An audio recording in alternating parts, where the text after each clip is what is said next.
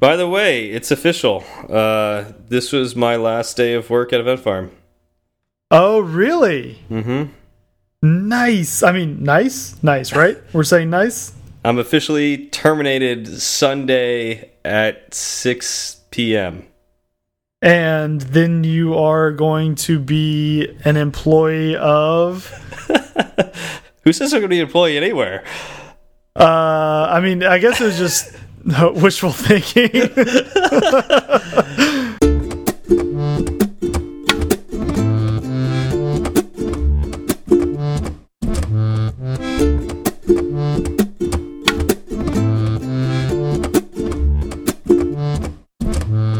What's up, y'all? I'm Zach. I'm Steve. This is Fireside Swift. How is it going, Steve? Well, it could be better. Although, yeah, I, I was actually sick all week. and it's kind of amazing that the, the last time we spoke was Sunday. Monday morning, I felt bad enough not to even go into the office. I, I work from home. I, I, I had energy, but I didn't want to like make my coworkers sick. Mm-hmm. Tuesday was the same way. It was still feeling kind of ugh. So I was like, I'll protect the office. I'll, I'll stay home again and work, work from home. What a noble sacrifice you made. Hey, I still worked. so what's funny though is Wednesday I was like, ah, I have two days working from home. I need to go in the office, you know, see how everybody's doing. There's, you know, take care of some stuff. I get in there and I quickly have a meeting with one of my coworkers, you know, to hash out something we were talking about while I was out. But like, it was hard to explain over video chat and all that and over Slack. So I get in there and we start whiteboarding it, and I'm just feeling worse. And just like every couple words, I'm starting to cough, and it's just like it's just making me dizzy and get a headache. And I'm just like, ugh, this is just awful. I'm like, once we got done with that that meeting, I was like, you know what? I'm just gonna go home. I'm gonna go home. and I'm gonna take an actual sick day. I'm not gonna work. I'm gonna go back to sleep, and I'm gonna rest. And so I did that, and then the next day I wake up and I'm just feeling worse. It's like yesterday, really. I'm I'm feeling worse. So I like I'm like I, I have to take another sick day. This this sucks. Um, and uh, yeah, towards the end of yesterday, I was feeling better. Um, thank you, Mucinex and ibuprofen. and then today, I decided to match what I did yesterday with Mucinex and ibuprofen. uh, only actually, I didn't need the ibuprofen today, just the Mucinex. And um, yeah, I'm uh, doing a lot better. So I still may cough a few times, um, but yeah. All right. Well, you sound good, and I'm I'm happy to hear that you're feeling better because being sick sucks. Yeah, yeah, and it stinks. You know, it's just the timing where it like hit the worst in the middle of the week, and you know this is kind of a vital week for delivery for us. But whatever. Um, yeah. How about you? How was your week? My week was good. I mean, I had one of those weeks where uh, you just run into a bunch of walls with what you're trying to do, you just ran into walls. Just just constantly. there's constantly. a random wall, and you're just gonna run into it. That's what Or it is- felt like. Or is this Well- like any wall you see you run into? So you know, uh, you know Juggernaut from the X Men. Yeah. Like at the beginning of the week, I was just bumping into walls, like not really doing anything, and then by Okay. the end of the week, I was smashing through them like So Juggernaut, and it felt like- amazing. You felt like towards the end like the Kool Aid Man. Pretty much, pretty much, just like here I am. I am here to write some code. Oh yeah. Exactly. Yeah. No. So that that command line program I I spoke about a couple of weeks ago, I believe. Uh huh. Uh huh.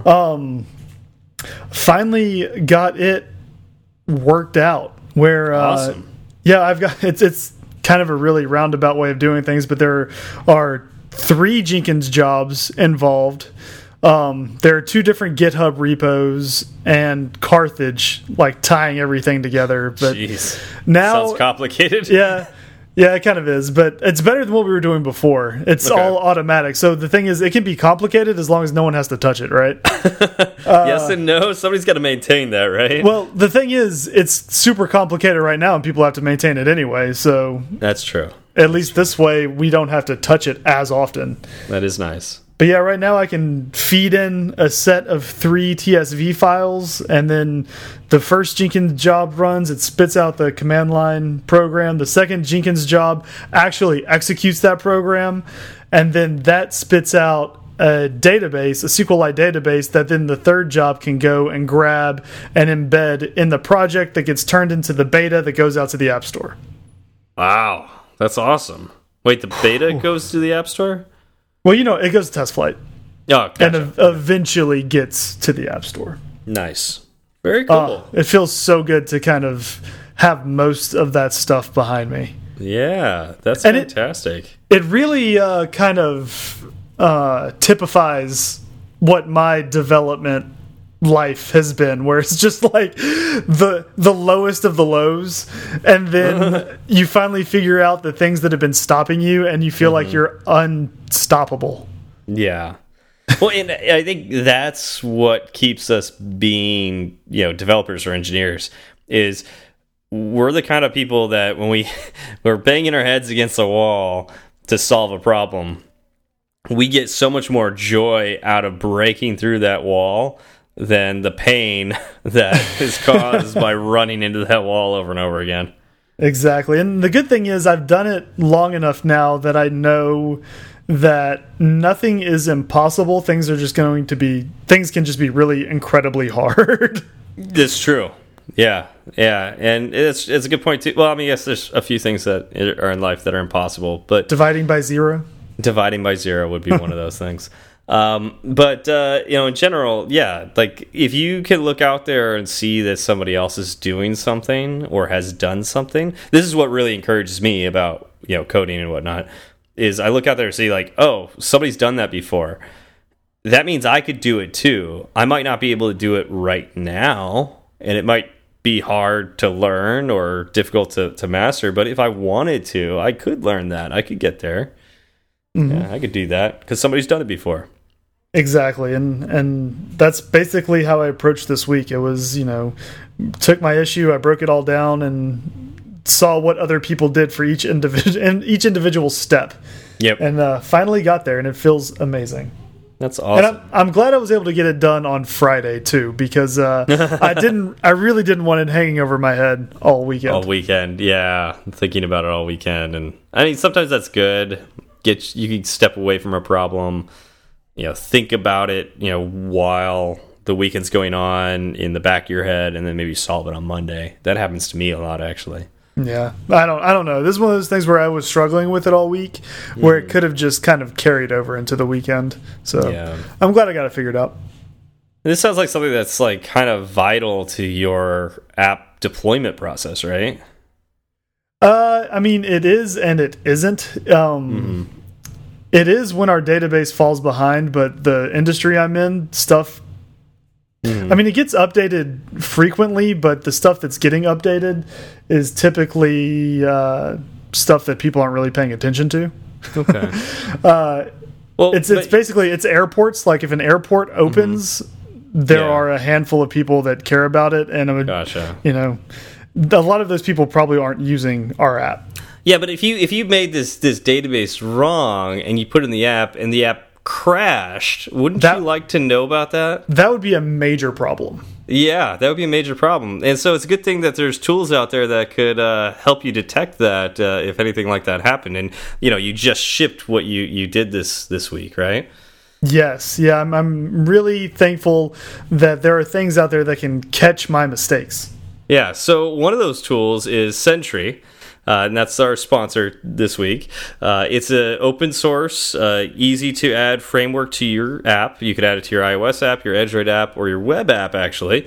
And it will help you detect misbehaviors or crashes that occur. And you'll get an email with a stack trace so you can detect exactly what went wrong because we don't write perfect code, do we, Zach?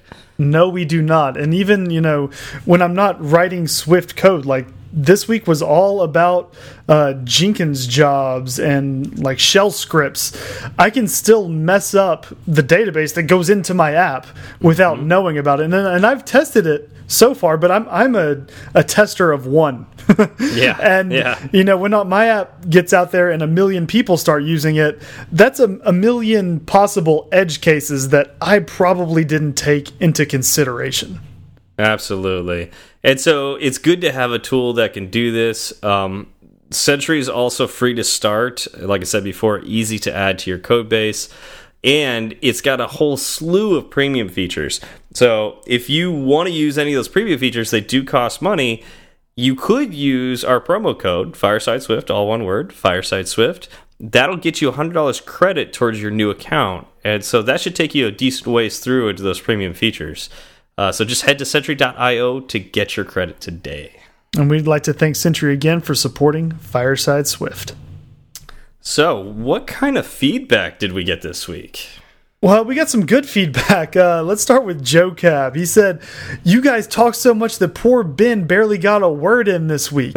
we couldn't even tell that Mr. McSwiftface was there, which I said, you know, that's kind of how we want it to be. yeah, he, we don't need to hear him. that's by design. Isn't that right, Ben? Never mind. No one cares. Well, Ben's actually on this show right now right, I know, and that's you just have to cut him off. Anytime you think he's going yeah. to speak, you just start just speaking. Cut, I'll just cut him out. Yeah, I mean, uh, if if he is able to sneak anything in, we do have to clean it up. It's true. uh, you know, I, am surprised Ben got a word in edgewise. Our first episode uh, with the WWDC stuff because Zach, you and I hadn't spoke for like a month, and I'm just surprised we didn't talk over Ben left and right. I know. I, I tried to be generous with our time. uh, it was difficult, but you know what? Ben is such a uh, he's such a nice guy. He's so much fun to talk with that it actually wasn't that hard. Mm -hmm. Yeah. And Joe Cab also continues that uh, he loves the kind of episodes that aren't necessarily Swift specific. Um, you know, like our last episode about good habits uh, you know, good developer habits. Um, so he said it was a good palate palate cleanser after the heavier episode of the dump truck of WWDC stuff that we talked about the last couple weeks. I get you, man. We were feeling the same way, and that's why we were like. we just need to do you know a lighter topic i mean i guess it's not that light when you think about it because your habits are that permeates everything you do but you know lighter for us to talk about less research Mm -hmm. Yeah, and I mean the the thing is, I loved all of the WWDC stuff, but it's all everywhere right now. And to be honest, yeah. I, I was getting a little burnout on it. Um, the spoiler, tiny spoiler alert. I'm yeah. I'm back to being okay now for tonight's topic. That's good. I'm glad because we did promise a few things during those episodes, didn't we? Yes, we did. Yes, we did. But we'll get to that first. Let's get to uh, some more follow up from blind underscore power underscore YT. Uh, he said, Hi, Zach and Steve. After playing around with Swift UI for a few weeks, I've noticed that Swift UI will change accessibility completely in iOS. For example, Swift UI now comes with native OCR and image description for voiceover users with no work from developers. I haven't heard about any of this, and this makes me really excited. I remember them mentioning something about this in maybe the State of the Union, or okay. there was definitely a mention well, of accessibility and Swift UI, but maybe I didn't look too deep into it because I remember mm -hmm. there was something extra there, and this is probably what it was. I was okay. Well, I mean, it, that's the other thing is I I take it back. I probably did hear about it, but there was so much other stuff that I was focused yeah. on. Yeah. It just went right over my head. Yeah, this is awesome, and you know, so I I can't wait for Swift uh, yeah Swift UI to become like the way we make UIs. Um, it's it's a few years down the line, uh, but I'm super excited for it too. Me too. I uh, I actually opened up Xcode right before we started podcasting, and um, I was building out a UI, and I thought man, this would be so much easier if I was actually using Swift UI. Mm-hmm. Yeah. So totally. I'm looking forward to it too. Uh, at Rick Lowe uh, tweeted directly at me uh, because I had asked this question on the the show last week or the week before. I don't remember. I think it was the week before. Uh, so I asked, you know, why App Apple doesn't include backward compatibility libraries like like Android does and uh, he responded, "It's it gives people a reason not to upgrade the OS, which causes the issues seen in Android, where 15% are on the latest OS." Yeah, I totally get that, and I, I, I would just hate to think that you know this is like Apple's like punishing their users for not update updating, but you know, or really punishing the developers for their users not updating. But uh, yeah, no, it, it makes sense. It's kind of depressing. It's we're kind of in the boat where we're like we make fun of Android for nobody updating to the latest OS, but we're paying the price that they should be paying. Maybe. I mean, so it's funny. I was looking at the analytics for uh, my my jobs app today um, because I was actually curious about what our OS breakdown was, mm -hmm. and ninety five percent are on iOS twelve. Um, wow. Yeah, ninety five percent, and then the other five percent are spread. You know, a majority of them are on iOS eleven, but it goes all the way down to iOS ten. So, could you afford to lose that five percent? Yes. Okay. Yeah, I don't think that would hurt us all that much. All right, because some people uh, it's, it's no, you know, because it's such a large number of people that it would actually create a media like attention to the media in some form of fashion. Yeah, I, I don't think that would be quite the case for our okay. our app. All right, cool. That's nice. So you can switch to Swift UI like tomorrow. We're doing it.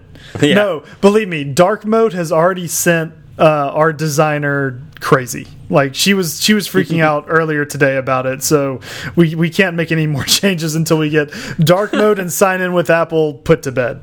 Yeah, those are two important features that it doesn't surprise me you're going to need to have quick. Yeah, yeah, that's where uh, probably a majority of uh, my work is going to be over the next few months. Yeah, but my guess is you're not going to require the next update to the app require iOS 12, right? Or sorry, iOS 13.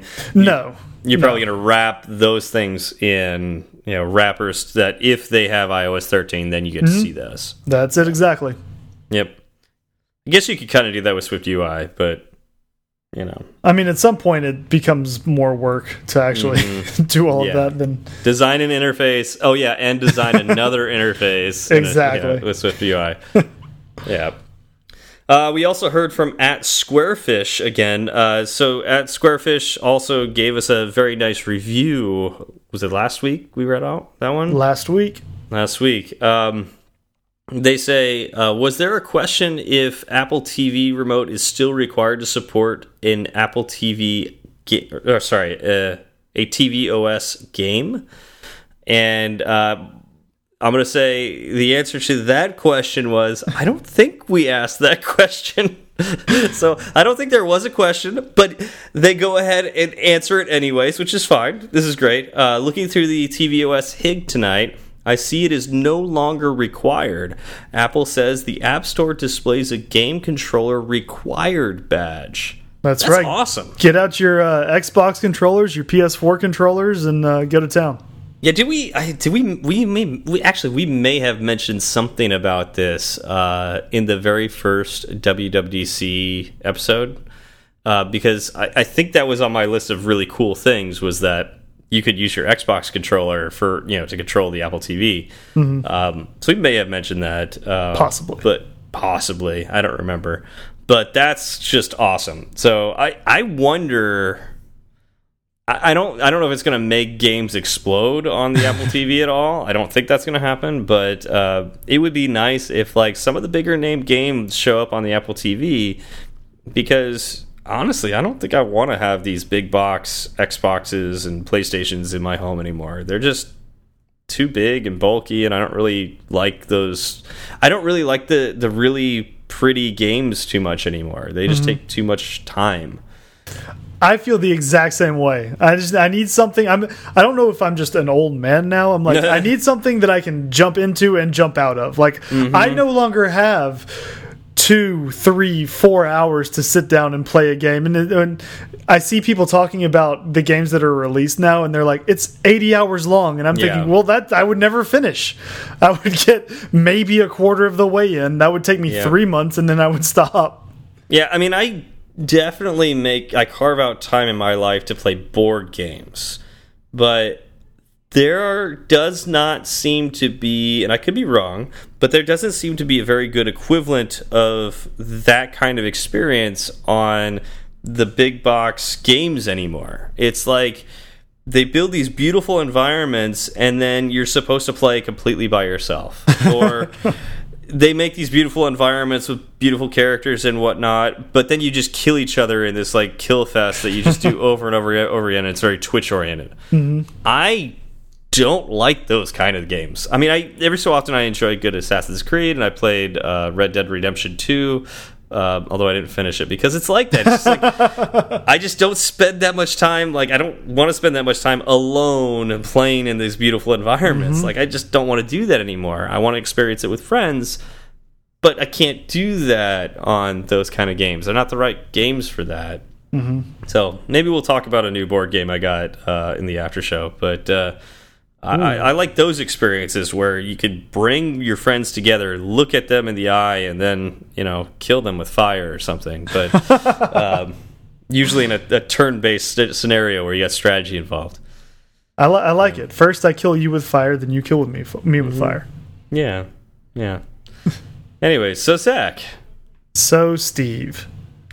You know when you're dating code, and Oh and then you, no, I can't say yeah. that I do. You, well, you know when you are, and uh, and then you break up with uh, with your code.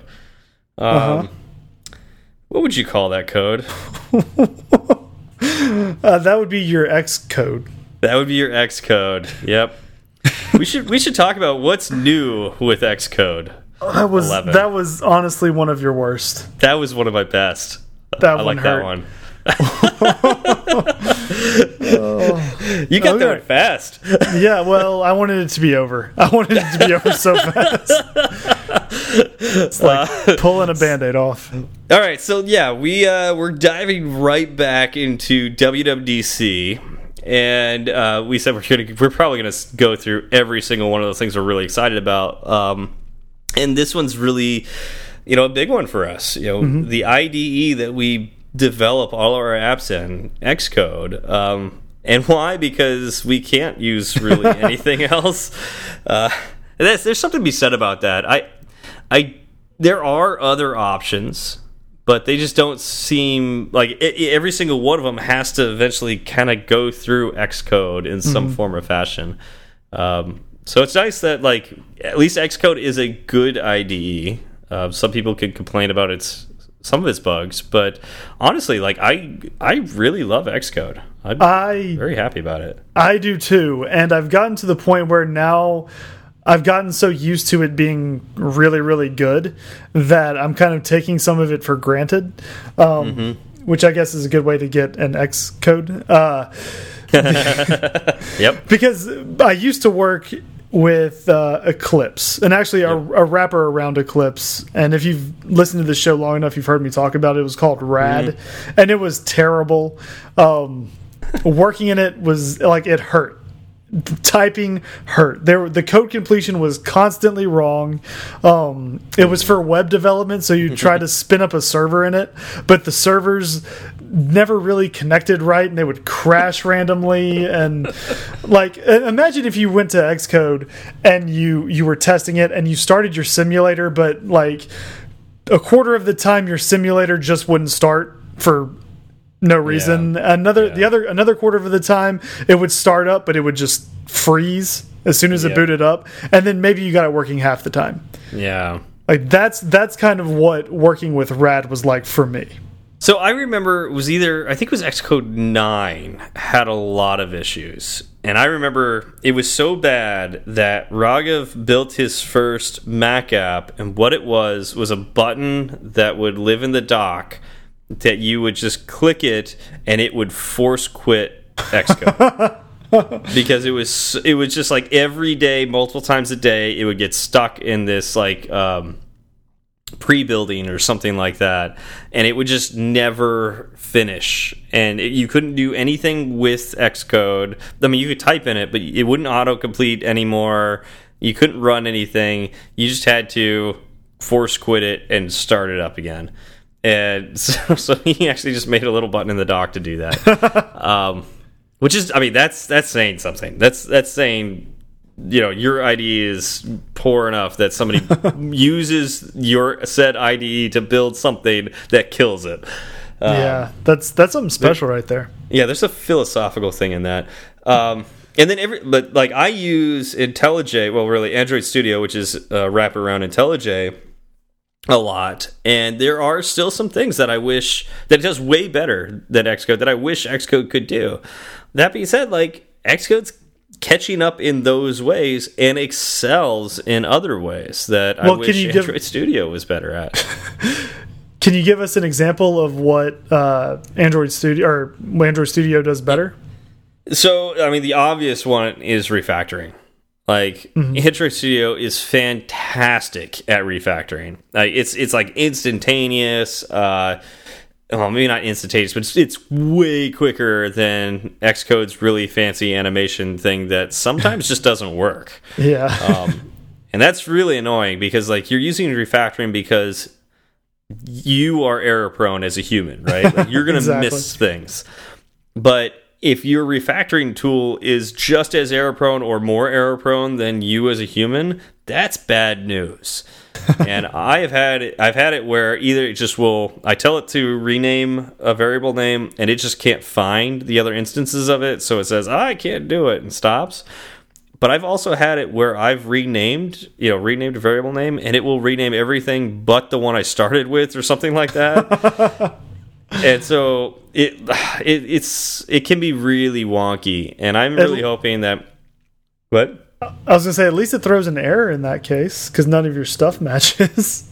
Yes, that's how I knew it didn't refactor one of the, the variable names. Uh, so yeah, uh, though that's I think the number one thing that Android Studio is better at. Something that's really fast with like indenting. Like if um, I just wanted to indent the whole file, mm -hmm. it it could do that in a fraction of a second. Where Xcode takes a little while, and then for some weird reason will take you down to the very bottom of the file if you try to do indent the whole file. Um, where, I've never tried that before. Yeah, so it's like a uh, is it yeah Command I. So you highlight the the whole file. So Command A, Command I will, uh, you know, re-indent your entire file, which is great. That's what I want to do, and it's slower than Android Studio, but it gets it done. The problem is it then takes my cursor all like the view all the way down to the the bottom of my code. so I I have to go find where I was again. Why doesn't it just re-indent and stay where I had hit that button? And that's exactly what Android Studio does. So every so often, if I feel like a, a file got weird with its indenting, I will just, you know, Command A, and then for them, it's uh, Option Control I, I think. Yeah, I think it's Option Control I. And, but it just re-indents real quick, and I don't have to think about it. And I'm still where I'm at, and I can continue typing my code. Okay, I, I can yeah. see that, but again, like that's that's a quality of life thing. Yep, uh, but, I, I mean, I can I can understand where you're yeah. if you're in the flow of things, you don't want to be taken to the bottom of your code.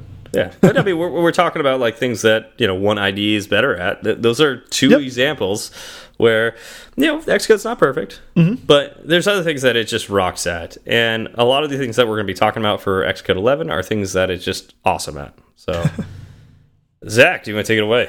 Sure. So let's start out, and we're going to kind of follow the lead of the video, What's New in Xcode 11 from this year's Dub Dub. Uh, we can start out with the new editor setup. So right now in Xcode 10, you have three main modes, and they're the little boxes in the upper right-hand corner, um, kind of in between the curly brace box and then the three boxes that you know can hide or hide or show the different uh, sub windows, I guess. Um, yeah and they this is a standard assistant and version and version yep. has three modes of its own which is comparison authors and log i keep forgetting that it has all those different things in it oh do you not I, use I, that i use that all the time i will switch to version every so often and then um some I, I'm trying. The, I thought the the blame was in here too. Well, so oh, authors, authors, authors, right. authors, yeah, they they didn't like the word blame, so they renamed uh, it to yeah. authors. the problem is like every other uh, you know Git tool will call it blame, um, and so that's what I think about. Yeah. Mm-hmm. Yeah. So, anyways, uh, I'll I'll sometimes do that to see like you know when did this change and who changed it. That's exactly what I use it for too. Because I'm like, if I need to ask a, I need to ask a question to understand why this was written in the first place. I need to Yep. get some context. Yep, yep, yep. Yeah, so I rarely actually do that, uh, but sometimes I will, and I will struggle because I won't remember where that is. Well, that's that's well, that's where it was. Okay. Yeah. So now, well, you mean you mean is because SQL Well- 11, a lot of us won't be using until True. September to October, right? So True. Uh, so where, where it will be with Xcode 11, uh, log gets moved over to the right pane, and each editor's editor pane's mode can now be changed independently. So the assistant and author modes have been moved to each editor pane as well. yeah, yeah, that's that's awesome. Um, yeah, and I think you, you know we should talk a little bit about the fact that like, you could have independent editors. Yes, that's something that uh, we didn't really have before and that's just really great that like if i just want to have multiple editors i mean i've gotten so used to having one file per screen that uh, except with the assistant but i rarely have code in two panes anymore. I really don't do that often. Do you Do do, that? So I end up with a lot of tabs, and yeah I, do, I use a lot of tabs. and I can see how I can kind of cut down on tabs and tab switching because that bothers me so much because you know I'll be working on something I'll be switching tabs and then I'll start up the simulator and if I hit an error or a breakpoint what I'm focused on gets No, switched yeah. to the file and then I have to Yeah. you know I have to hit the back button and and when Yeah. it, when I first started I forgot that there was a back button so I had to remember what file. I was in which was just a pain and I had to, again getting back to where I was right like it goes along with what you said earlier about being taken to the bottom of your uh, of your file like I don't want it to be I don't want it to take me away from where I'm at automatically um, I agree. If I hit a breakpoint I think I would actually rather it open up a new tab and there you might be able to do that and I just don't know about it you know that's possible yeah. um, but that's that's what I would like. Uh, Mm-hmm. if anybody knows if that is a thing that you can do, feel free to hit me up on Twitter and let me know. Yeah, that'd be awesome to know that. Um, but I think one of the best things here where I will use the assistant is, and I guess we haven't really talked about where the assistant goes, uh, so maybe we move to that next because I want to talk about why that's cool now. I guess we're not getting there for a little while, but I'm going to talk about it now because I love this. This is my favorite, probably my favorite thing in Xcode 11. Um, so you know when you're working on UI and you got your xib or storyboard, and you're like, okay, well, I need to connect uh, this to um, my uh, uh, this button to my my code now, right? Mm -hmm. Well, I want a tab for doing that. But then, and only on that file do I want that to show up because when I go, and then I want to go to the code, but I want full screen for the code.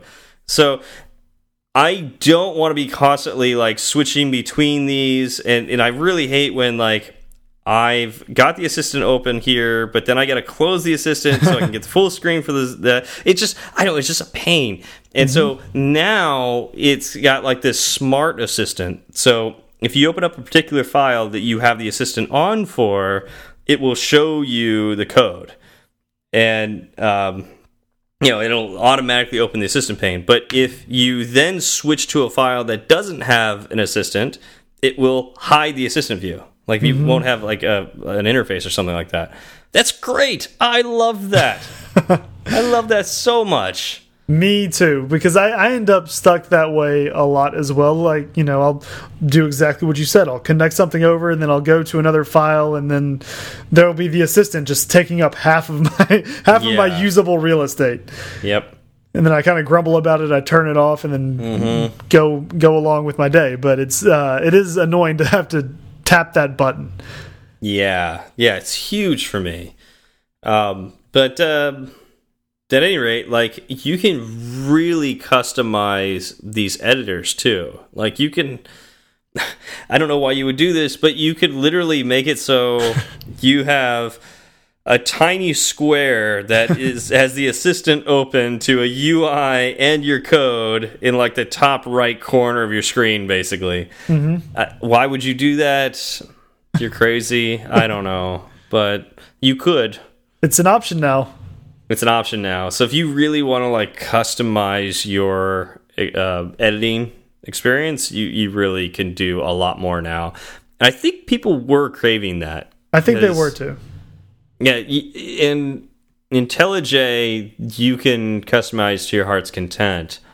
I never would, but I could see that as being a sticking point for for some people why they would say Xcode is bad. Mm -hmm. And mm-hmm. now they don't have the excuse, at least to some degree. Right. Uh, I like how you can create vertical or horizontal splits now. Yeah. Yeah. Mm -hmm. Because you know, I'm writing code from left to right more than I'm writing it from top to bottom of the screen. Uh, so yeah. having having the wider um, view to actually edit my code is going to help me a lot. So do you think you would do kind of a hamburger approach where you've got like one file mm. on the top and then another file underneath it? Yep. Interesting.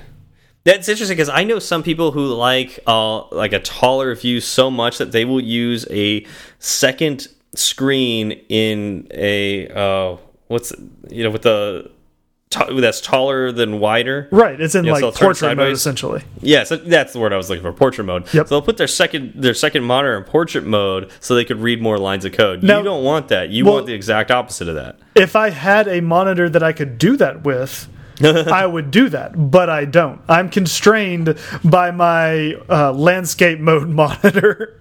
Yeah, but you so you but you want to restrict how many lines of code you see even more. To a certain extent, when I'm checking between two things, yeah. If I'm not if I'm not scrolling around too much, yes. Um, if yeah. it if you know I have a huge block of code that mm -hmm. is taking up you know 20 or 40 lines or something, then I probably won't use it. Uh, gotcha. But I I will use this in certain cases for sure. That's cool. I I probably won't. I, I can't think of what I would. um, but it's cool that you can, and there's people that would. So yep. count yeah, me. I, I, am one of those. One of them. Yeah. All right. So, oh, uh, one last thing I want to mention about like these new functions with the editor. Um, I really like how you can focus an editor. Yes. So if you create like four little boxes of text and you're like, I want to spend time really focus on this one, it's got the, the little arrows, kind of like the arrows on the green dot uh, in the windows. Mm -hmm. You know, mm-hmm. like you get the red dot, the yellow dot, and the green dot, and the green dot expands to full screen. Right. It's kind of like that, just like full screen for the window that's open, whatever. Um, but you just make the you just make that one the one that you're editing. So you it's feasible that you can have eight different you know text panels and you go i want to work on this one now. You click on the focus and it brings it up so you can work on just that file and then you can close it and you're back to your view the grid view essentially of all your code. Mm -hmm. and then you can focus on another one. And uh, this is kind of what makes me see that you know stepping away from my 10 tabs open is viable right because i mm -hmm. while i probably will be surprised if i ever have more than you know three editors open at a time because that's getting kind of cramped um, mm -hmm. if i just have even two where i'm going back and forth being able to you know blow one up shrink it down then go over to the other one yeah. uh, is going is going to smooth things out for my my the way i work I think if if I was going to do that, I need some sort of like keyboard shortcut, and there probably is one. I just don't know what it is yet. Um, yeah, that. Otherwise, uh, that seems like just a lot of clicking around, and I, I think I'd rather use tabs, but I could be wrong. Well, how how how much do you jump back and forth? Like if I'm jumping back and forth, yeah. I'll probably stick with tabs. But if it's something where I need to actually read and understand code in file one and then see how it makes sense over in file two, where I'm not going back and forth as often, I can definitely see myself using this. Yeah. I don't know.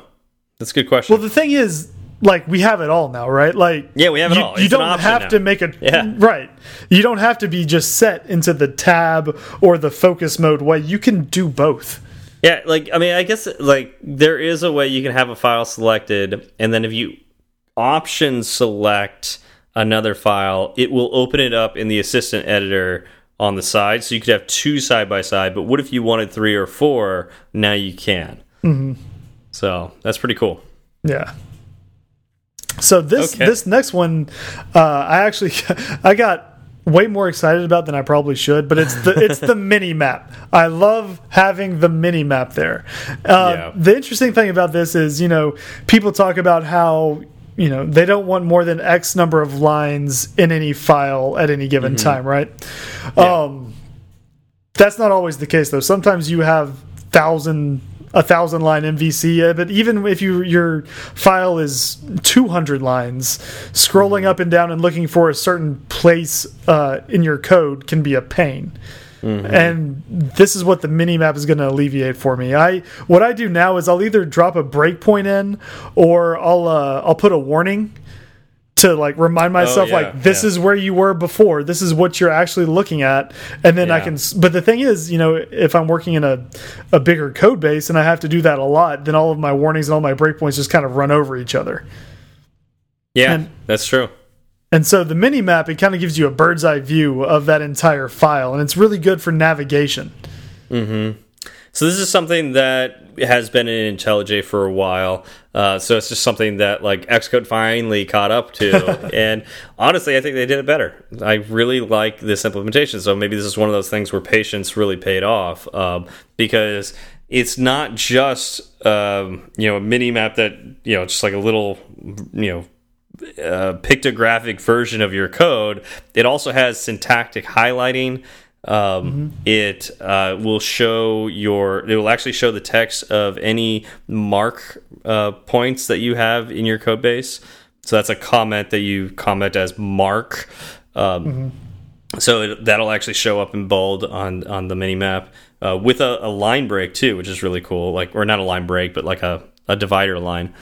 yeah Um, it will also like if you're doing any finds, so like you're trying to find a particular word, uh, it will also highlight those words in like in the mini map. It's really cool how that works. Well, that's that's awesome to me because um, the way you know, if I'm looking for a word, it's typically fairly unique for what I'm looking at, right? And they will show up clustered throughout my file. They're usually not spread out evenly. yeah. So I can do, you know, control F panda. And I can say, oh, well, panda shows up a lot in these, you know, 20 lines. I'm going to focus my my search here. Yeah, I'm wondering is panda one of those variable names that you rarely use, or is this like on every single line of code? Because I, I, I want to say it's one or the other for you, but I'm not sure which. Uh, it's it's rarely used. Rarely used. Yeah, that makes me really think it's like every other line of code for you. Okay, cool. You saw right through me. my lies. does not does not surprise me. uh, let's see what else. Uh, oh, documentation refactoring. That's that's pretty cool now. Um, so there was they had the ability to if you right clicked on uh, you know your function you could actually like add documentation to it before. That that's not anything new. It's just it's better now. We've got syntactic highlighting within documentation. And by documentation i mean the the comments above a, a function name. The triple forward slash, right? Yeah yeah and Because for- two forward yeah. slashes is just a comment. A triple Mm-hmm. forward slash is considered documentation. And the cool thing about Xcode is, you know, if you write your own documentation, it'll actually show up on a function. Like if you, you know, you wrote your own function, pet panda. Uh, and you wrote some documentation over that, and then Yep. later on in another file you wrote, you know, blah dot pet panda. Um, you could actually click on that pet panda and get the documentation you wrote for your other file, so you know what's going on. So now, th is this panda your pet, or are you petting No, these the are- panda these are just- is your pet? These are just random pandas. Random pandas, and and again, Are you making those random pandas your pet, or are you petting would- those random pandas? I'm just petting. I would never. making a panda your pet is just irresponsible. okay. Yeah. Just making sure. Now petting random pandas totally all right. Okay. Yeah. Um, yeah. So now, not only um, is it you know easier to read and easier to set up, uh, you can also when you refactor, and I mentioned like some of the bugginess of refactoring. so hopefully they took a look at making that better too, which I think they did. Um, when you refactor, it will also refactor your documentation as well, which is really, really cool. Yeah. Yeah. Uh, so something else that I like is that the change bars are better in each file. Um, so right now, you know, if you have a line of code and then you update it, there'll be a little blue bar over by the gutter, and you can click on it. And right now, all you can really do is discard it, and it'll it'll get rid of your changes. It'll go back to what it was before you made those changes. Um, Yep. But now there's actually a show change command, which was really cool because it'll show the diff right over the new code. So it'll show your old code right over the new code, which Which we need. Oh, my, gosh! You know how many times I will uh, I'll have a change, I'll copy it, and then I'll get rid of it to see what it used to look like, and then Oh, paste you know it back. You know what I do? I go up to the uh, oh, is it the source control section, and I will hit commit, scroll, you know, find that file, scroll to that part to see what it was before. See, that's too much work. Yeah, That's too much work for me. I'm, I'm just I'm doing Control X to copy it all over, discarding, looking at what it was, and then pasting it right on top. That's funny. Well, it now like not only can you do that through the change bar, which is fantastic, just just using that. There's a whole button for this now called the code review button, and so Oh, you just yeah. click the code review button, and it'll basically take you to what looks like the assistant editor, or really, actually, it's the view that you see when you click commit, kind of like what I used to do. Um, but you can get that without hitting commit and see your code side by side. Like, here's what it was before, and here's the changes you made. And it's really nice looking. and I love it.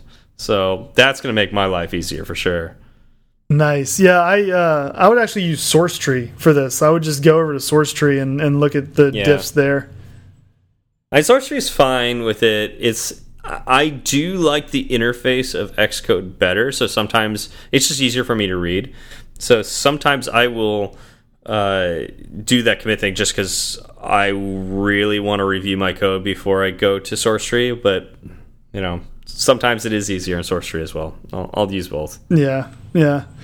Um, so now we have code completion for compiler control statements. So if you did like uh, pound or hashtag W, and you because you were going to type warning, now it'll actually code complete to warning.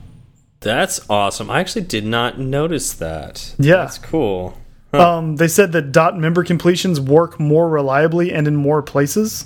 So if you're going to append an enum to an array, like you can do dot whatever, and it'll actually show up uh, more reliably. Um, That's something that has gotten significantly better with more recent versions of Xcode. Was like just hitting dot and then com it com code completes out to something that makes sense. Mm-hmm. I like that. Yeah, me too. And they do it for function overloads now too, which I can understand why that would be hard because when you overload a function, it has a signature that's similar but not not completely the same. So code completion can be hard to to get at, but they figured it out, and now Yeah. you can get code Cool. completion for overloaded functions. Yeah, that's gonna be awesome. Really, really awesome. Uh, let's see. Um, we already started talking a little bit about source control, but they went really deep in source control and gave us the ability to stash. I mean, honestly, like the way Xcode did source control before, it was not good enough to just use Xcode as your your means for source control, unless you're doing a really really simple no branching way of doing things. And I, I think there was a way to branch in Xcode, but it was like awful, just just just terrible. Um, so they they really got uh, they added a bunch of necessary features that if you ever wanted to use Xcode as your means for source control, at least it's it's getting there. Like I don't know if it's fully there yet, but it's getting there. Like they added the ability to stash. Um, Which they- I use all the time, yep, so I, I exactly. appreciate that. Having that is great. The ability to apply a stash, so getting that stash back, it kind of makes sense to stash and then unstash. Oh, that would be terrible if they forgot to do that part, right? right, You you, can stash, stash all day long, but you never get to see him again. Um, cherry picking, um, which is a more advanced feature and can really throw you down a, a bad alley if you do it wrong. But it's it's useful to have, and sometimes you need it.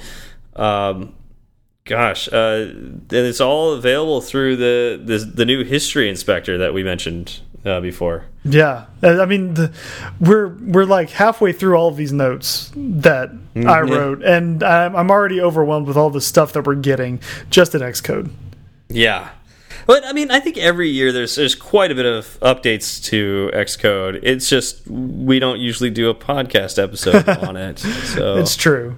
Uh, Yeah. So moving along, you know, we get we get the normal stuff that you would expect, like a, a new Mac device in the storyboards devices bar, because you know, uh, Catalyst is a thing now. We're gonna have iPad stuff running on a Mac, and and so they want to be they, you want to be able to see what that's like.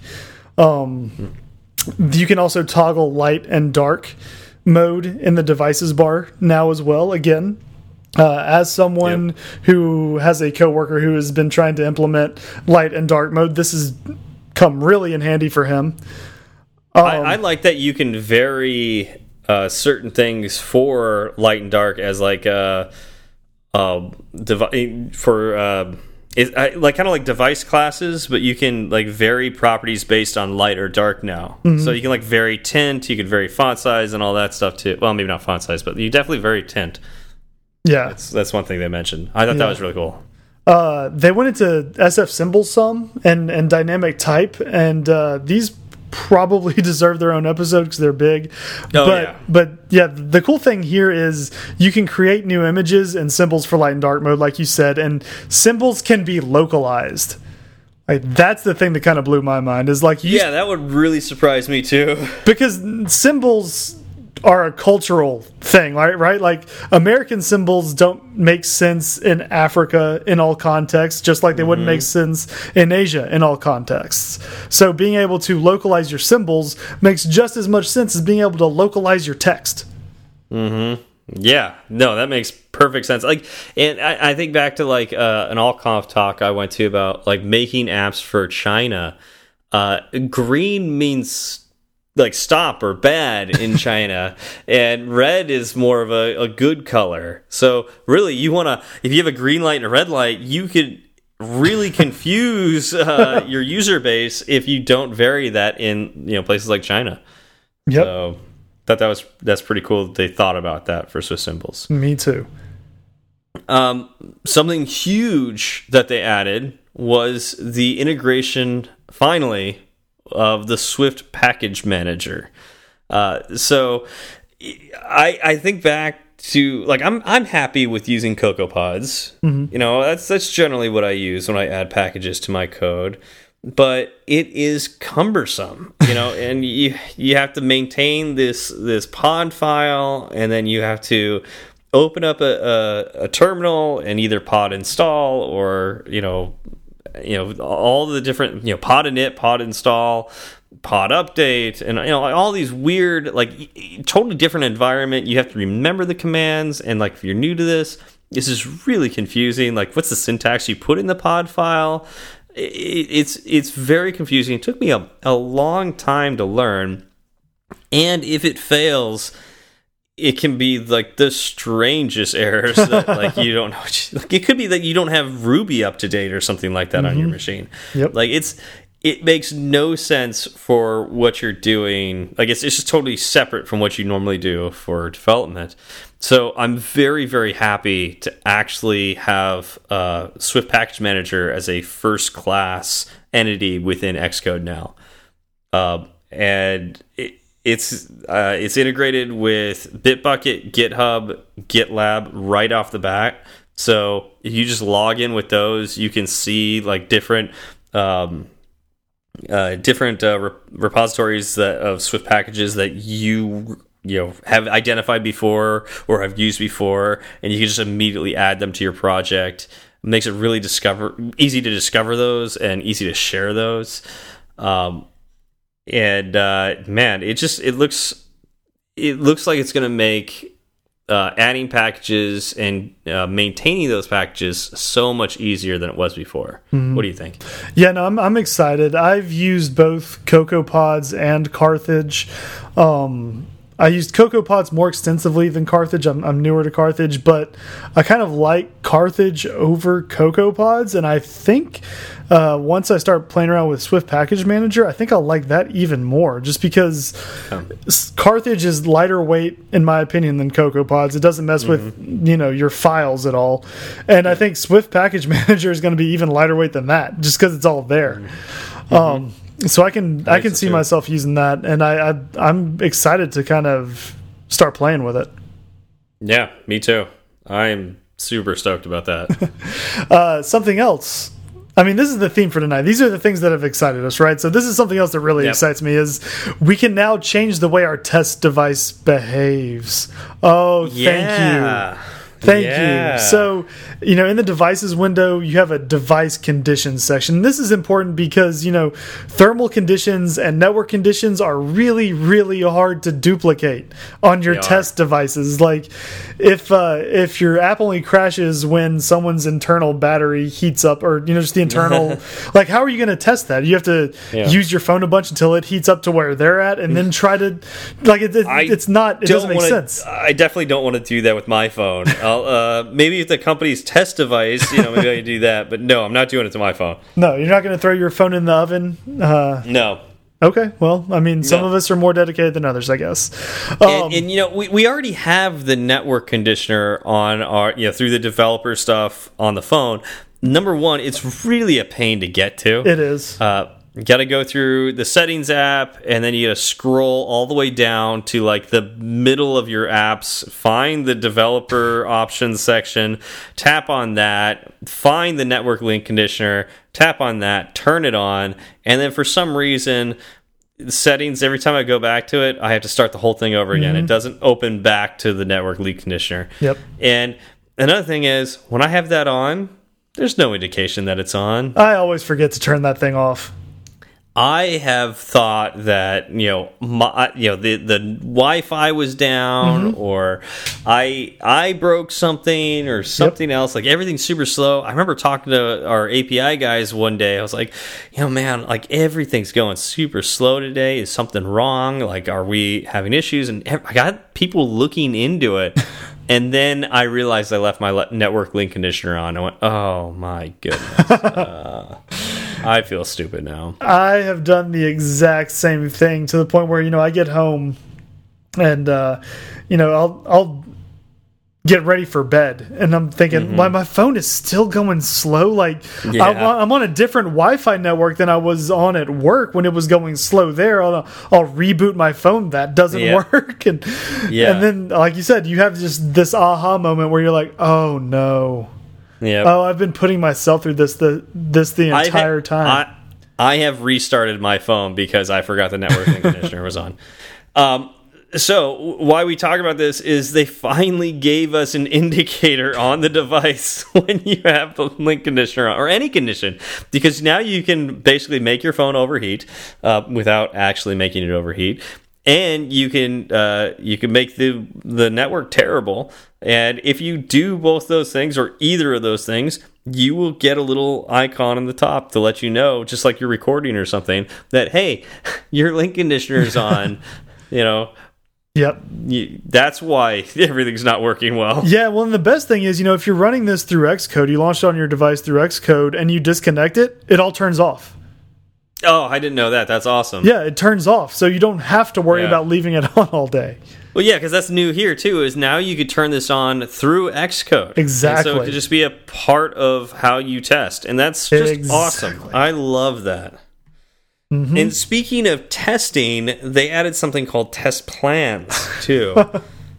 So we talked about this a little bit um, during our summary, but you know, just diving a little deeper into this, this is really really neat. Um, so this is the kind of thing that you would use something like Fastlane for, where you've got a bunch of different uh, tests that you want to run, and uh, you know you and maybe it's different every time maybe it's different for when you're about to release as opposed to when you're doing a pull request or maybe you just want to grab screenshots you have a, a, a bunch of tests you want to run with different configurations and before the only way you could do that was by using a a tool that again I think is this is in Ruby. Yep, I believe it is. Yeah, I think It is. Fastlane's all in Ruby. Ruby. So you got to learn another language. You got to type it all out, make this script, and like it's.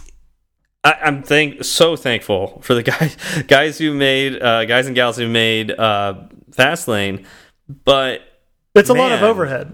it's a lot of overhead and it's great that now we've got something within our IDE to build these plans out and it looks beautiful it looks like it makes sense and it should make getting all those you know all the screenshots that I need to get easy to do should make testing more fun and easier to implement and it just makes me happy I I'm with you on that. I uh you know, I had to deal with Fastlane and it's a great tool and it's wonderful, but there's such a high learning curve where, you know, I didn't want to be dealing with Fastlane. I wanted to be writing Swift.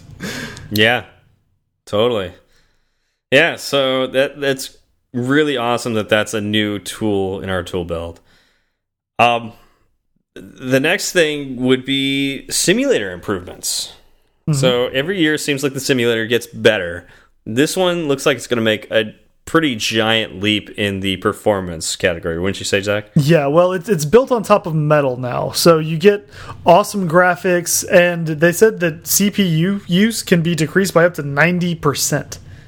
That's pretty crazy, um, and that that pays off in like you know just efficiency of your battery, right? Like, so if you're doing work away from you know a power source, which we often do, especially with like the newer machines that have I think less battery than the older ones because they're just thinner. Uh, you know, battery life is pretty you know at a, at a premium, and the CPU sucks a lot of that dry. so it's kind of nice that the simulator uses less CPU now. That's great. Yep, Um, I agree. But I think it can't be understated that it runs on metal because a lot of um, a lot of apps, particularly games, run completely on metal, and you couldn't test that in the simulator before. You had to run it on an actual device. So that's kind of cool that now you can actually run your tests in the simulator, run your app in the simulator, and see, you know, the full experience, and that's great. Mm-hmm. That's always anything like that is that's that's why we have the simulator, right? Exactly, exactly. I mean, I I can't imagine. I've never built a game before, but not having a tool like the simulator there because there are times when I'm I just don't want to plug my phone in. Like I'm, I'll be lazy or I'll, if I'll leave my phone in the other room and I'm in the middle of working on something, I don't want to get up and go get it. Plus, uh, sometimes I know you know if I have my phone there, there's a, a tendency where I could, you know, I'll just check Twitter for 10 minutes and then, Uh-huh. you know, an hour and a half later, I'm like, what was I working on again? Yeah. Um, and so I will, I'll leave my phone in the other room and, and not having a simulator would really hurt me if I, if I tried to do that. Um, so yeah, building on top of metal and, and letting game devs be able to use the simulator, I think is a, a great step. Now, I, I do a lot with NFC, and unfortunately, that doesn't work in the simulator. so I'm still in this boat where I've got to use my device for it. But yeah, it, if they, as long as they keep making improvements, you know, maybe someday I'll get a, a way to simulate a, an NFC scan, and that'd be great. Yeah, I can see how, I can't wait to see you get excited for that. I yeah, you should have. Well, you did see. I did exactly. super excited Exactly. for all the stuff they gave us for NFC this year. game changing, literally game changing. Uh, real quick, you can deploy directly to the watch simulator now. You used to need the iPhone simulator because, again, all watch apps were paired to iPhone apps, so you kind of needed to run both. But now with independent watch apps, you can run them independently on the watch simulator. Mm-hmm. Yep. Uh, let's see. What else? Anything else of importance? Uh, no, that's about it. Yeah, I think the the last thing is that you can edit Swift UI stuff, um, but we'll get into Swift UI at a later episode. Um, that there's a lot to unpack there. So, um, but yeah, I mean, the fact that you can actually run Swift UI and have the it's called a canvas, right? Swift UI canvas. Yes, it's called Canvas. Um, so that that's pretty spectacular too, and that's coming in Xcode 11 for the very first time. Yep. Um, so real quick, there were eight other talks that revolved around Xcode in some way, given at uh, WWDC this year. Um, so there was a big focus on on what Xcode is. Uh, I mean, it needed to be right because it's the main tool we use to create what we create. Mm -hmm. um, so you know, I'm not sure if we'll link to all of those, but they are all out there uh, where you would watch any other WWDC video. Yep. And we'll definitely put in the show notes the the video that we got most of this stuff, um, and we'll, we'll yeah we'll link that in the show notes. Yep, well. of course. Um. Yeah. So um, I guess the the only thing left to say is our buddy at Heffertron uh, is putting together a little meetup in Swindon, UK. We looked this up on the map. It does exist. Mm -hmm. He's not just uh, lying to us. He's not lying to us. Uh, this is a real location. Uh, it is about halfway between Bath and London. Yeah, we it's, it's that? a little bit closer to Bath. So I mean, if if you're going to be closer to, if you had to pick to be closer to to Paul or or Ben, yeah, I mean, we've heard Ben on here. It's, it's probably a good decision. You probably want to lean a little closer towards Paul. Yeah. so Paul Hudson's in in Bath and uh, uh, Mr. McSwiftface is in London. So it's a good location for a meetup. Um, now the uh, the meetup was on the 26th, but he's planning on having more of these. Mm -hmm. so just DM him on Twitter and uh, yeah, see if you could force him to have more meetups. meetups are great. I love them. So exactly. have more. Yep. All right. Well, that's all we have this week. Uh, thank you all for coming out. Thank you, Sentry, for sponsoring us, and we'll see you next week. Y'all have a good one. It's such a good feeling to be at the end. A happy feeling that there may have been a mistake or two. So we'd like to hear from you. Twitter's great, Breaker might beat it. Email's fine, but we rarely read it. But we love five star reviews and promised to mention you. So get a pen and write this down. Just kidding, who's got pens around? Still, they'd love to hear from you. Steve Berard and Zach Falgout. Tweet Zach and have some fun. At TFALG, or you do one. At TFALG, or you do one. He'll write back when his work is done. Tweet at Steve and you will see Clever use of the emoji at SWB. E-R-A-R-D. Fireside Swift has its own handle, so you can burn three sides of the candle at Fireside underscore Swift. At Fireside underscore Swift. And if your message is a little too long, there's firesideswift at gmail.com and firesideswift.com firesideswift.com.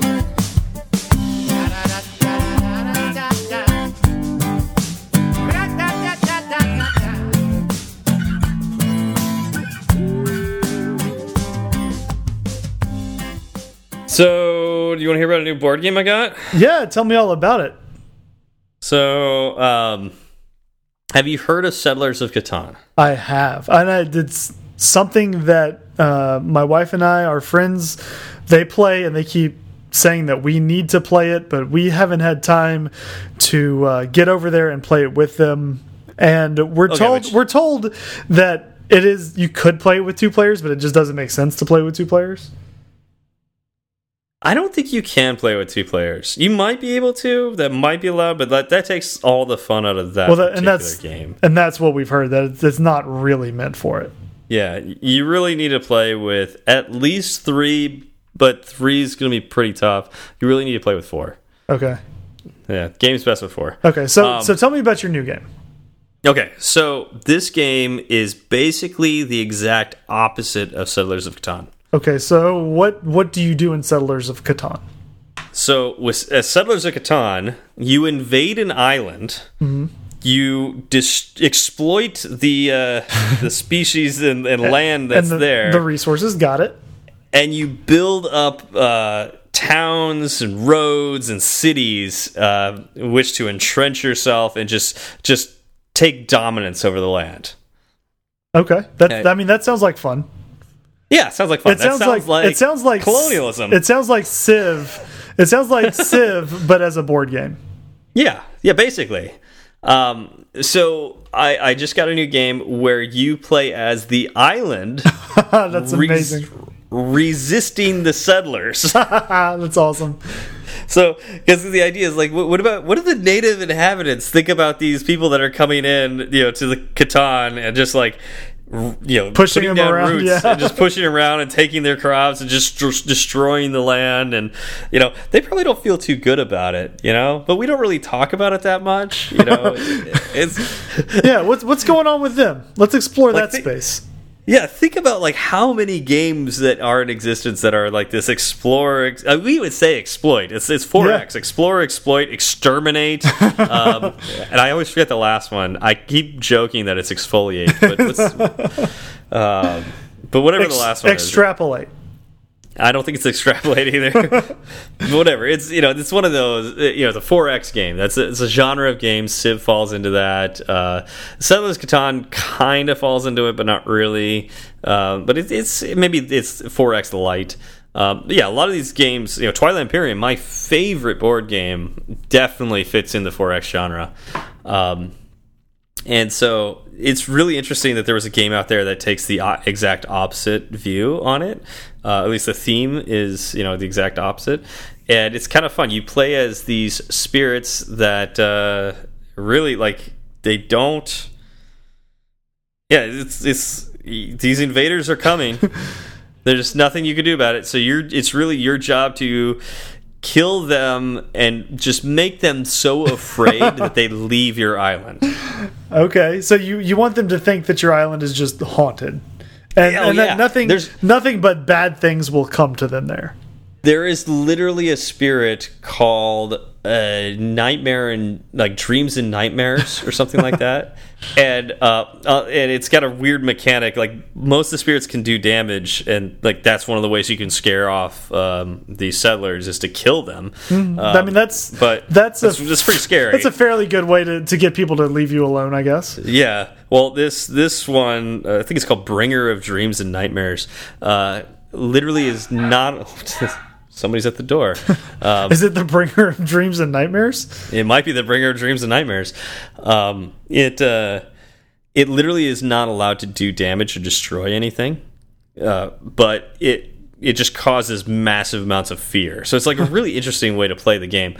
Uh, you have to continuously not be able to you know remove these settlers but yes so they're constantly getting stronger but you can make them more and more afraid of you which is really interesting um, anyways the game is called spirit island Uh, it's it- quick it and to a- the point. yeah it's uh, it was uh, a kickstarter game a while back and so it hit my radar but i missed the kickstarter campaign and um, which i usually do i'm not usually a big fan of kickstarter Right. but um, I don't feel like waiting two years for a game to come out. What's this? Oh, that's right. I bought a game. I forgot about that. yeah, I, I've I've literally funded two Kickstarter campaigns.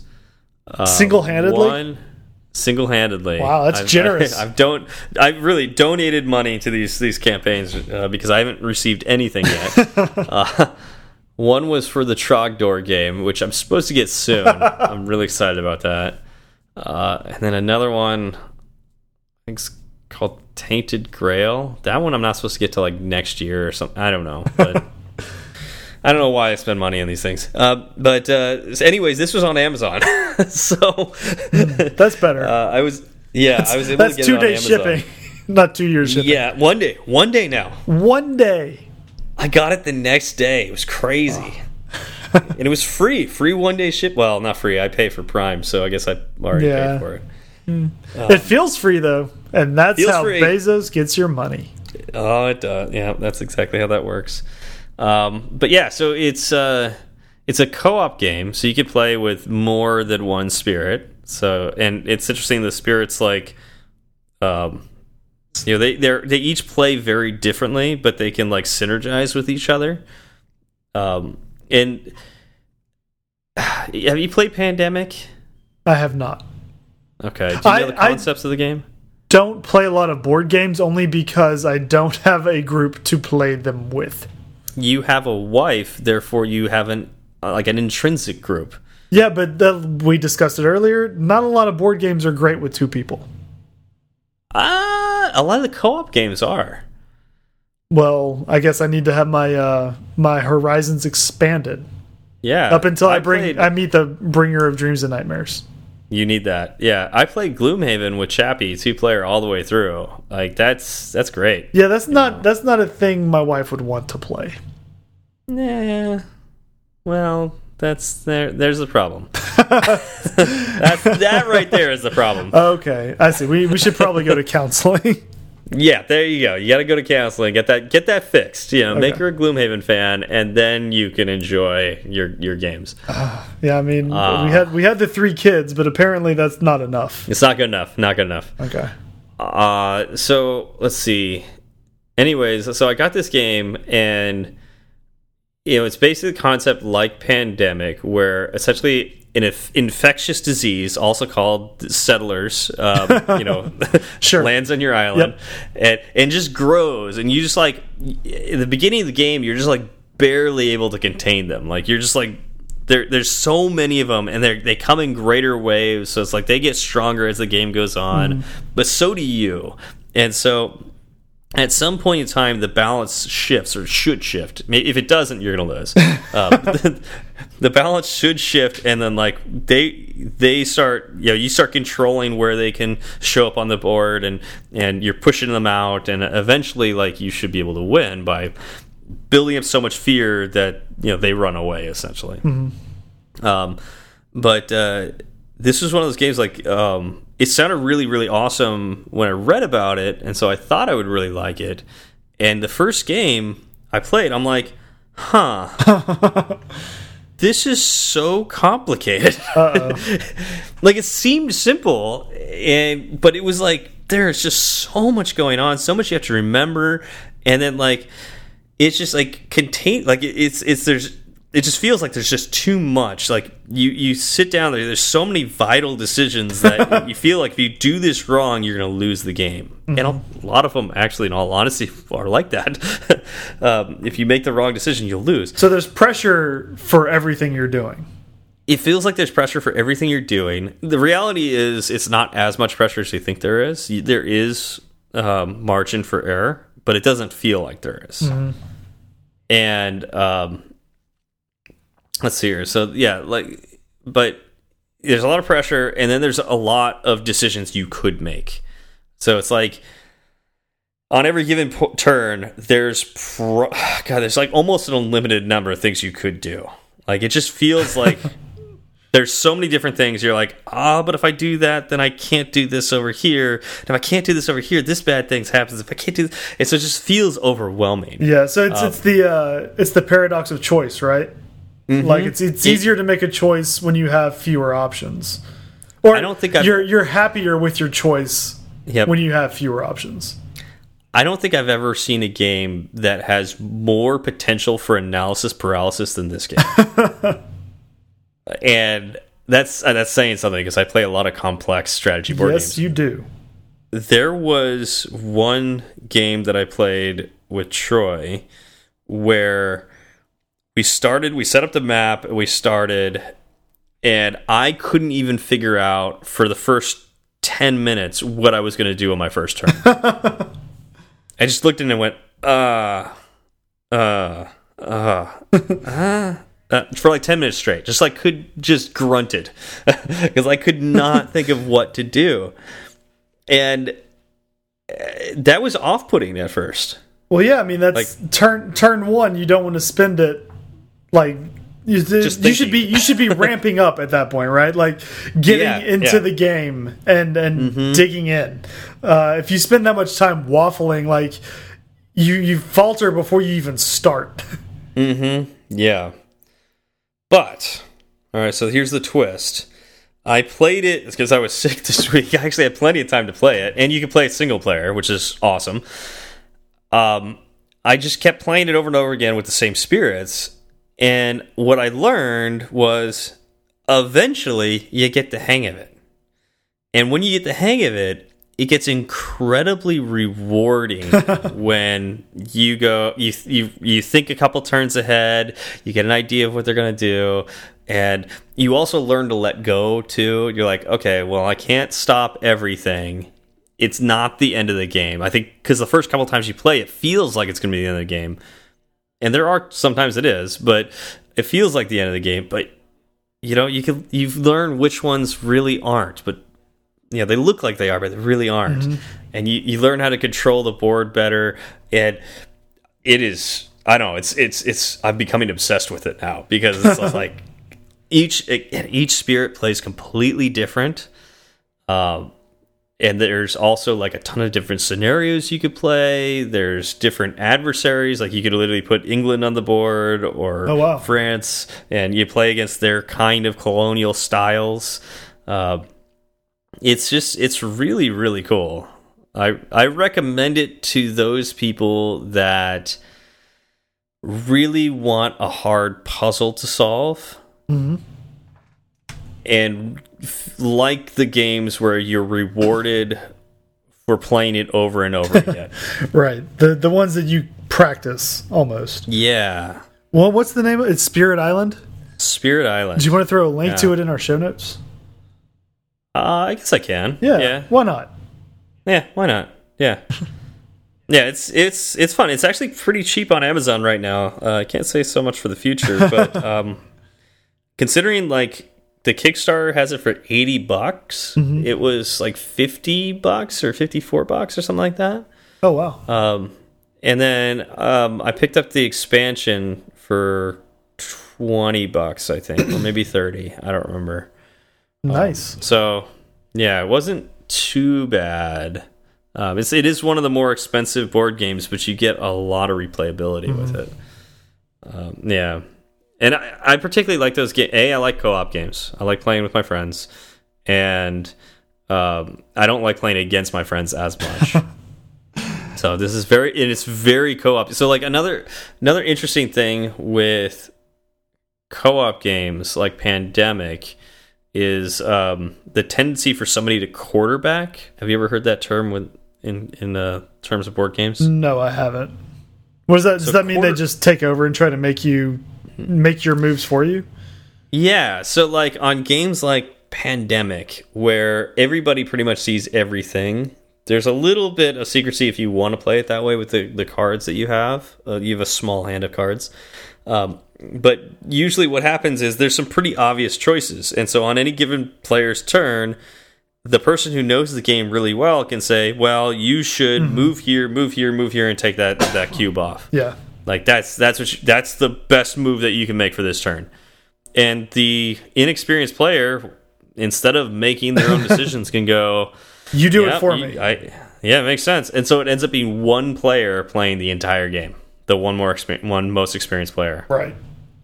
This game avoids that by being so complex that it would be very, very difficult for a one player to quarterback the whole game. Wow. Yeah. So typically, what happens is when you play with this game co-op, uh, you each of you takes your section of the island, mm -hmm. and it's like your job is to control that section. If you need help, call out. Yeah. That sounds like a lot of fun. Yeah. And you have me yeah, you have me contemplating picking it up. Yeah. No, it's it's it's a lot of fun. Uh, particularly if like I said, if you like challenging puzzles, if you like co-op games, uh, interesting themes. It's got really neat art and just like an interesting theme, like the opposite of Catan, which I think is cool. Um, and uh, yeah, it's it's a lot of yeah, it's, it's pretty fun. I'm a lot of variability too ton of variability because I didn't even mention it's, it's a card drafting game. Like you get oh. more cards, which are which are your your powers. So you start with some base powers, and then like over time you get more powers, and those are random. Mm -hmm. Those are totally random as you play the game. So Um, you have control over the ones like that you pick. You get options, but uh, the ones that you have the ability to pick, they could be the ones you want, or they could not be. so, yeah, you might have to change your your game up just because you didn't get the cards you needed. Wow, it sounds like an inventive game. It is. It is. And I I think if one thing I can say about Kickstarter, like I'm again, I'm not a huge fan of the way Kickstarter works, but it has created like some sort of renaissance for board games. well, I mean, it, it's you know, back when you had to get your game on a shelf in a store, mm -hmm. it was really hard to make money on it as an independent board game creator. Oh yeah. I mean, people people think making money in the App Store is hard, and it is, but at least you can put your product out there. yeah. I mean, you pay you yeah, pay your hundred bucks to Apple, and then you're good to go. You know, after yep. after your your code.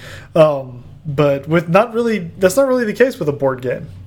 No, you got to like think about marketing and, and like you, you got to like the only way people would see you is if they went to like a niche store, mm -hmm. like the the big box places. You oh, know, like get get to like yeah, get to like Walmart or something like that. Like okay, they have some they have some board games, but that's only like Mattel. Yeah, you'll get your Monopoly Hasbro. and your op Operation, yeah. your Sorry, that kind of stuff.